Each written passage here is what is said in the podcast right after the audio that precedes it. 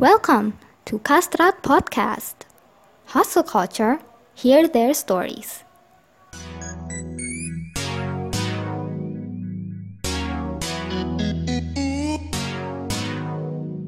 Assalamualaikum warahmatullahi wabarakatuh. Selamat datang, welcome everybody to our podcast MKHT. Mahasiswa Kesehatan harus tahu. Departemen Kastrat, BEM, FKM, UNER. Gimana kabarnya nih teman-teman semua? Aku harap kalian semua dalam keadaan sehat walafiat ya. Amin ya robbal alamin. Nah, tak kenal, maka tak sayang. Makanya kenalan dulu dong sama aku. Hai, aku Nabila Syafia, panggil aja Via. Dari kelas IKM 1D angkatan 2021. Salam kenal semuanya. Nah, hari ini kita punya bahasan yang sangat asyik nih, yaitu hustle culture. Kenapa aku bilang asik? Karena hustle culture ini dialami notabene oleh generasi milenial dan juga Gen Z, termasuk mahasiswa seperti kita-kita ini, teman-teman. Nah, untuk membahas tentang hustle culture ini, sebenarnya aku mau bincang-bincang santai aja sih dengan teman-teman yang sesama mahasiswa seperti kita, yang sudah mau sharing-sharing pendapat dan pengalaman mereka seputar hustle culture. Jadi kita udah kedatangan teman-teman kita ada tiga, Pertama ada Fariha Hasri Drani, yang kedua ada Hasna Amalia Salsabila, dan yang ketiga ada Fatimah Nur Fadila. Pertama kita kenalan yuk sama Dea. Hai Dea. Hai Via. Perkenalkan, eh, aku Farica Sri Drami Pamuncak dari kelas IKMD 2021. Halo, salam kenal ya semuanya. Salam kenal Dea. Nah, sekarang kita mau dengar nih suaranya Hasna. Hasna, salam kenal. Halo De, halo Iya, perkenalkan nama aku Hasna Maria Salsabila, bisa dipanggil Hasna. Aku dari kelas 1 IKMJ 2021. Salam kenal semuanya. Salam kenal Hasna. Nah, yang ketiga kita punya Fatim. Hai Fatim. Halo, halo semuanya. Perkenalkan, nama aku Fatimah Nur Fadila, biasa dipanggil Fatim, dan aku dari kelas Gizi B 2021. Salam kenal semuanya. Hai Fatim, salam kenal. Nah, kita udah kenalan nih sama teman-teman kita bakal ajak ngobrol asik tentang hustle culture. Nah, sekarang ayo kita tanya-tanya yuk teman-teman kita pendapat mereka secara garis besar dulu lah ya soal apa tuh hustle culture menurut mereka. Nah, sekarang aku mau tanya dulu deh, Dea, menurutmu apa sih hustle culture? Kasih. Hmm, hustle culture ya. Sebenarnya sih aku pribadi ini masih sesuatu yang baru ya, karena asing juga menurutku nih awalnya. Cuman aku udah sempat nyari-nyari apa sih hustle culture itu. Kalau dari yang aku baca, hustle culture itu sebuah gaya hidup di mana seseorang merasa bahwa dirinya harus terus bekerja keras dan hanya meluangkan sedikit waktu untuk beristirahat. Dengan begitu, ia dapat menganggap dirinya sukses. Hmm, kalau dipikir-pikir, itu kurang baik nggak sih, ya kan? Kalau aku pribadi nih, pernah sih mengalami hasil culture ya, karena kayak, apa ya, kuliah gitu kan, terus kegiatan-kegiatan lain, membagi waktunya, itu juga termasuk masih suatu hal yang sulit sih buat aku karena bagi waktu kan gak gampang ya apalagi dengan tugas kuliah atau tugas-tugas lainnya yang deadline-nya mepet dan deket-deket banget gitu terus membuat aku ayo kerjain kerjain kerjain gitu. Pokoknya harus cepat selesai cepat selesai gitu. Gitu sih kalau dari aku. Nah, makasih banget dari Dea. Jadi kesimpulannya dari Dea itu uh, uh, hustle culture itu budaya ingin kerja keras ya untuk mencapai suatu tujuan. Misalnya kita ingin menyelesaikan tugas-tugas kuliah atau tugas-tugas yang lain. Dan jadinya kita kita itu pingin kayak ayo kita kerjakan, ayo kita cepat selesai. Akhirnya ya ninggalin waktu istirahat, waktu tidur gitu ya Dea ya. Iya, bener banget. Oke deh. Thanks banget untuk Dea. Sekarang aku mau nanya pendapatnya Hasna dong. Hasna, menurutmu gimana sih hustle culture itu?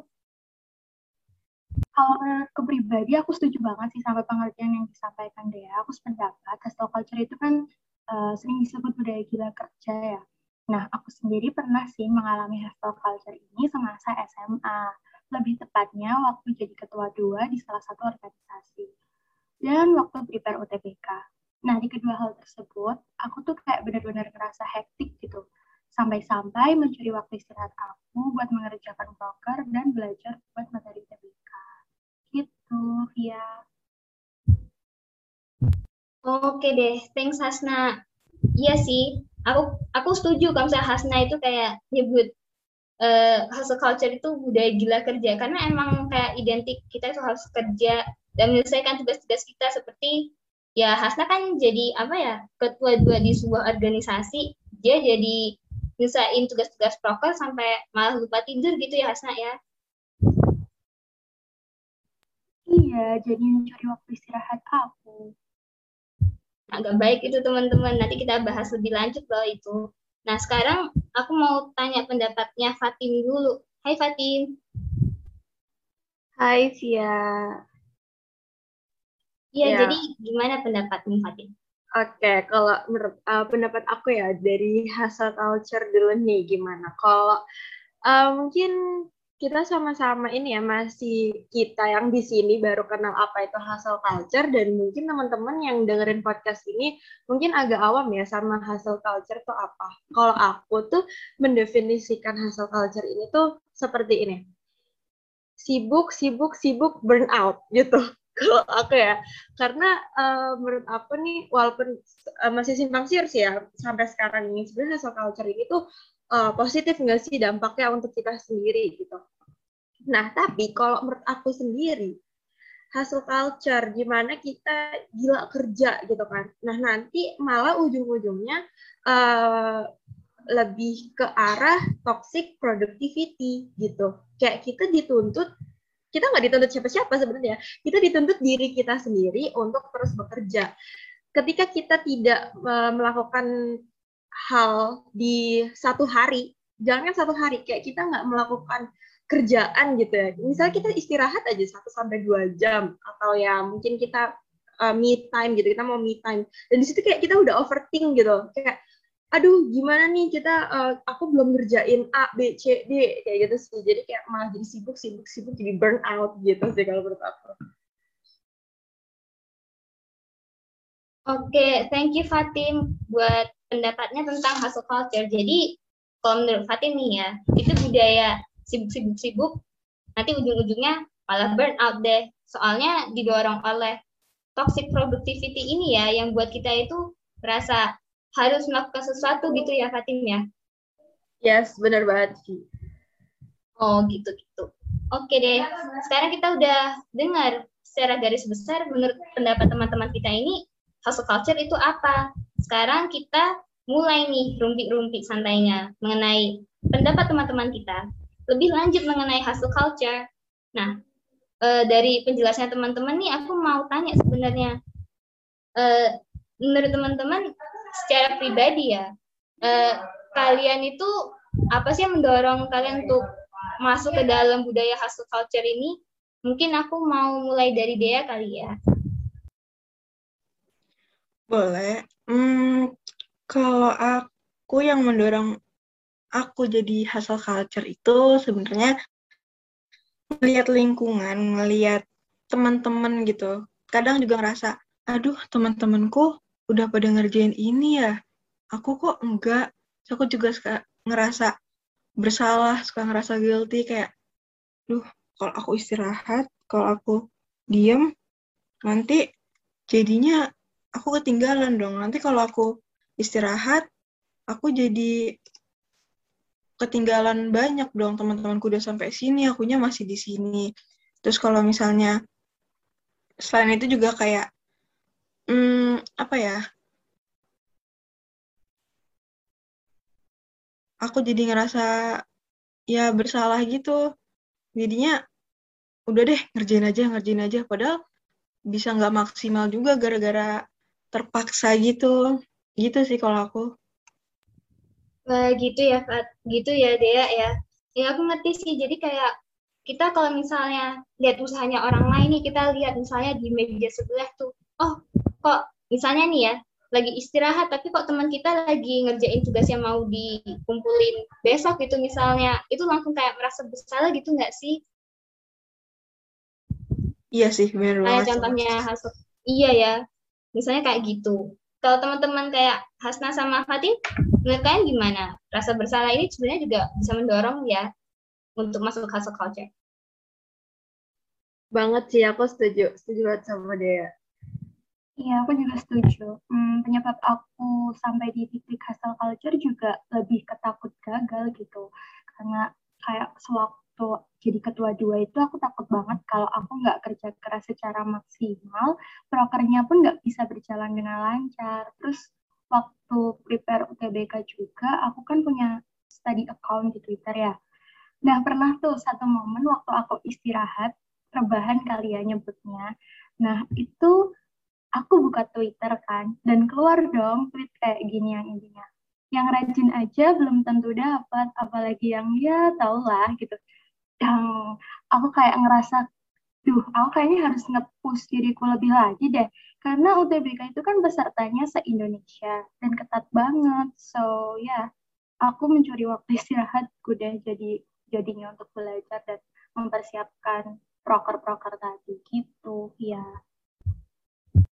waduh kalau misalnya udah lihat kayak macam-macam postingan motivasi ala UN sama UTBK aku juga ngerti sih kalau misalnya akhirnya lihat postingannya bikin magnet gitu nggak sih? Kayak aduh jadi takut gagal nih takut ketinggalan sama saingannya kita se Indonesia kalau sama UTBK aku paham banget sih. Kalau menurut teman-teman uh, Dea sama Fatin gimana guys? Pernah ngerasain nggak Kalau dari aku ya, uh, aku sendiri sih pernah ya ngerasain walaupun waktu itu aku nggak tahu itu sebenarnya namanya hustle culture gitu. Secara nggak sadar aku udah berada di dalam suatu kebiasaan ini. Kalau aku sih waktu itu mungkin ini kalau sekarang nih waktu kuliah ini karena uh, kita masih baru ya, baru masuk mungkin ya udah mulai terasa, tapi kayaknya lebih banyak pengalaman waktu SMA nih gitu kan. Nah waktu aku SMA tuh gini nih, aku mau tanya deh ke kalian semua, uh, ke teman-teman semua, kalian pernah nggak sih kayak buka sosmed terus habis itu uh, atau kayak ngeliat story teman-teman terus teman-teman itu kayak udah pada lagi nge-story nih kayak lagi belajar bareng atau kayak lagi rapat nih lagi rapat gitu kan udah nyiapin uh, proper ini bla bla bla bla terus habis itu mungkin kayak ngeliat buku-buku latihan soalnya itu kayak udah penuh dengan tempelan-tempelan post-it, rumus-rumus gitu kan kata kunci kata kunci gitu pernah nggak sih guys? Pernah, pernah banget terus kayak ngerasa gitu. kan, Duh, kok dia udah ngerjain, udah full gitu kayak hmm, takut. Iya makanya kan yang lainnya tuh udah full kayak aku tuh aduh aku ini belum apa-apa gitu kan kayak uh, sekarang gini aku ngebandinginnya kita misalnya punya sama-sama uh, buku latihan soal aku punya buku latihan A dia juga punya buku latihan A tapi bedanya di sini adalah ketika dia mengerjakan buku latihan A aku mengerjakan yang lainnya gitu nah di sini kesalahan aku adalah uh, aku ngebandingin ya di satu objek itu tapi aku tidak membandingkan ketika dia uh, ngerjain di A, aku sebenarnya juga ngerjain loh, tapi aku tuh di uh, objek yang lain. Misal aku ngerjain lebih fokus ke lesan aku gitu kan, ke tempat les, buku-buku uh, latihan yang disediain sama lesan aku gitu kan, bukan yang aku belajar mandiri. Kayak gitu sih. Uh, sebenarnya itu lebih ke, ke kekeliruan aku ya. Kenapa kayak aku bisa bisa ke uh, bisa bisa ada di dalam si hustle culture sendiri ini. Dan sebenarnya kayak gini sih uh, yang mempengaruhi aku ya kenapa aku bisa bisa berada di dalam hustle culture ini. Kalau waktu itu tuh gini, kayak aku merasa dalam tanda kutip termotivasi dengan kata-kata yang pasti teman-teman seringlah dengar ini. Uh, ketika kita mau sukses harus ada yang dikorbankan, bener nggak? bener, bener banget gak sih ini yang aku omongin kayak pasti kalian pada relate gak sih iyalah pastilah Ya kan, kayak Benar, harus ada yang dikorbankan. Apa itu yang dikorbankan? Ya mungkin waktu main kita atau waktu istirahat kita itu adalah kata-kata dari ya salah satu atau ya banyak motivator di luar sana waktu memotivasi kita waktu mau belajar UTBK itu kan. Dan di situ uh, aku tuh yang kayak nyerang diri aku sendiri. Oh, berarti ini aku harus nih untuk untuk uh, mengurangi waktu waktu-waktu itu waktu entah itu waktu istirahat atau waktu main gitu kan atau waktu refreshing dan uh, lebih ke uh, lebih diberatkan ke waktu untuk belajar kayak gitu kan dan padahal di situ tuh aku bukannya malah ngerjain tapi aku malah burn out gitu kan. Malah yang kayak overthink awalnya aku overthink nih kayak aduh aku aku aku bingung nih aku harus ngerjain dari mana nih? Banyak nih buku ABCD ini banyak. Tapi kayak aku nggak tahu aku mau ngerjain dari mana gitu kan. Yang ada tuh di situ aku malah ke arah uh, toxic productivity itu tadi yang tadi aku sempat singgung ya di awal. Kayak ya aku tuh menuntut diri aku sendiri untuk produk produktif gitu. Tapi aku aku malah tidak melakukan apa-apa, malah cuma overthink doang gitu sih kalau dari aku. Oke deh, thanks banget untuk Fatim. Apa namanya pengalamannya sendiri ya tentang gimana dia bisa masuk ke hustle culture. Jadi kalau misalnya aku simpulin nih, Fatim ini mungkin eh, kesalahan yang sudah dia sebutkan ya. Kenapa kok bisa masuk ke hustle culture itu karena eh, salah persepsinya ya Fatimnya dalam membandingkan diri kita dengan orang lain ya. Jangan membandingkan diri dengan orang lain ya teman-teman. Tapi kalau misalnya kita lihat eh, saat kita membandingkan diri dengan orang lain itu kita harus itu lihat kegiatan tepatnya apa yang mereka lakukan, objeknya yang mereka kerjakan ya. Bukannya kita melihat bahwa oh kalau misalnya meskipun mereka mengerjakan A gitu ya, terus aku enggak. Sebenarnya itu enggak apa-apa teman-teman ya. Yang jelas itu uh, dalam waktu yang sama kita juga mengerjakan hal yang berkualitas kok. Tapi meskipun objeknya itu berbeda jadi kuantitas eh, kualitas bukan kuantitas gitu ya teman-teman ya gimana Fatima? Ya, bener banget sih. Bener aku setuju banget sih sama kamu. Oke deh. Nah aku punya satu pertanyaan lagi sih. Uh, menurut kalian kalau aku dengar pendapatnya teman-teman ya kayaknya hustle culture ini sebenarnya kayak pengalaman yang kurang menyenangkan ya buat teman-teman sayangnya. Tapi aku uh, pernah dengar suatu kata-kata uh, mutiara lah. Aku lupa dengarnya dari mana. Tapi de, dalam suatu pengalaman ya pengalaman yang pahit tapi pasti ada suatu hikmah lah atau suatu manfaat yang kita bisa dapat dari situ. Nah menurut teman-teman ada nggak sih kayak oh habis melalui hustle culture ini atau pengalaman yang pahit ini, aku kayaknya sekarang sudah mendapatkan skill yang bermanfaat untuk di masa depan yang sekarang aku udah bisa pakai. Ada nggak sih mungkin kayak positive traits-nya gitu loh dari kalian sudah mengalami hal ini? Mungkin dari Hasna, Hasna dulu deh gantian. Iya, Pak. Oke, okay. honestly, aku tuh jadi punya sifat yang pantang menyerah gitu. Jiwa-jiwa ambisku juga muncul dan jadi aku ngerasa kayak kerjaku tuh lebih optimal gitu tapi at the end of the process aku kayak merefleksikan hal tersebut lagi gitu loh. Dan bagiku itu kayak kurang worth it. Karena apa? Karena kondisi fisik dan mentalku pun jadi terganggu. Terus aku pun merasa kayak instead of mencuri waktu tidur atau istirahat kan lebih baik aku meningkatkan fokusku sewaktu belajar kan? Nah uh, salah satu cara meningkatkan fokus pun juga dengan istirahat, olahraga, dan lain sebagainya.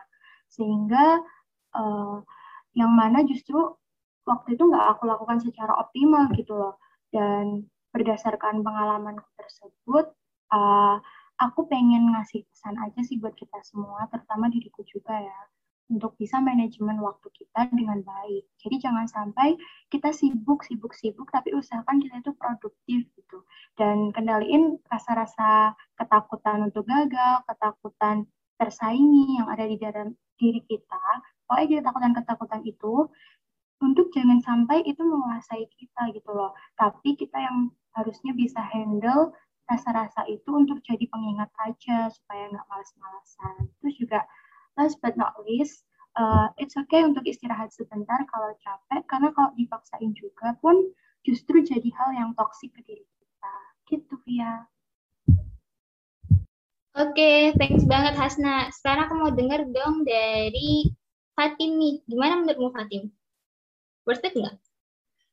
Uh, kalau menurut aku sih, aku ini ya, mungkin sudah terwakilkan sama Hasna tadi. Mungkin aku kayak uh, pingin nambahin dikit aja nih buat aku sendiri tuh aku sekarang lebih yang kayak misalnya uh, aku nggak dikuasai sama rasa takut itu tadi yang kayak kata Hasna ya aku udah kalau dulu tuh aku kayak bener-bener aduh takut nih takut ini takut itu takut itu kalau dan kalau sekarang aku tuh bisa lebih ngukur diri aku sendiri gitu kayak porsi aku nih sekarang udah di mana terus yang penting aku tuh on target gitu kayak aku punya target sendiri orang-orang juga punya target sendiri gitu jadi kalau misalnya kita waktu ngerjainnya itu uh, startnya nggak sama atau prosesnya nggak sama itu it's okay banget kayak nggak usah kita nggak perlu buat banding-bandingin sama orang lain gitu sih menurut aku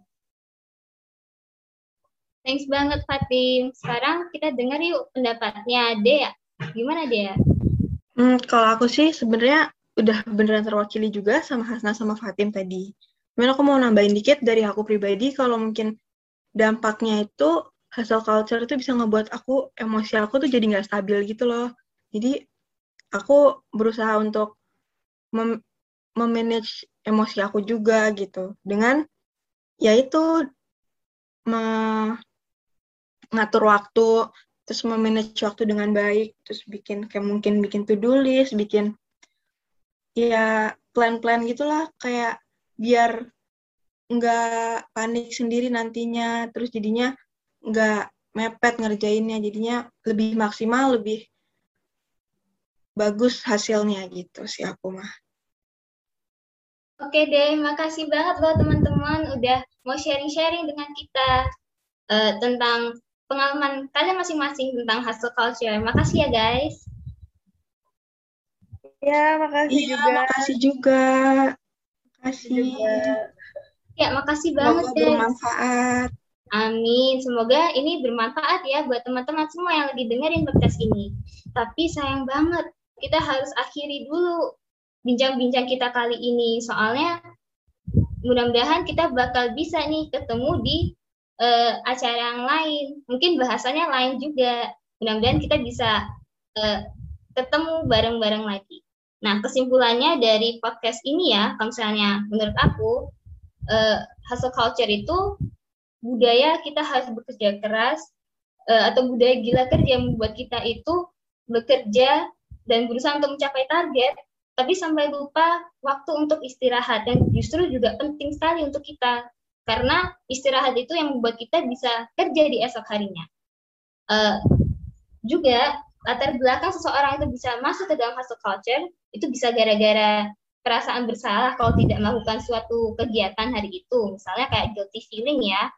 Lalu feeling of missing out, misalnya takut gitu kalau misalnya aku nggak bekerja hari ini, aku bakal ketinggalan progres dengan teman-teman yang lain. Lalu takut takut kegagalan. Misalnya, kalau misalnya aku nggak bekerja dari sekarang, aku nggak nge-push dari sekarang, nanti di masa depan aku gagal dong, aku nggak mau. Nah, teman-teman, kita harus menghindari ya sifat-sifat seperti ini. Kita harus tahu bahwa setiap orang itu punya targetnya sendiri, punya perlombaannya sendiri. Jadi kita nggak usah ya membandingkan diri dengan teman-teman yang lain. Kita cukup fokus dengan apa yang kita sudah targetkan untuk diri kita sendiri. Dan jangan lupa istirahat teman-teman, itu yang terpenting. Nah, sayang kita harus menutup podcast ini ya teman-teman. Aku, Tia, izin undur diri dan semoga kita bisa bertemu di lain waktu. Sampai jumpa. Sampai jumpa semua. Terima kasih. Terima kasih guys.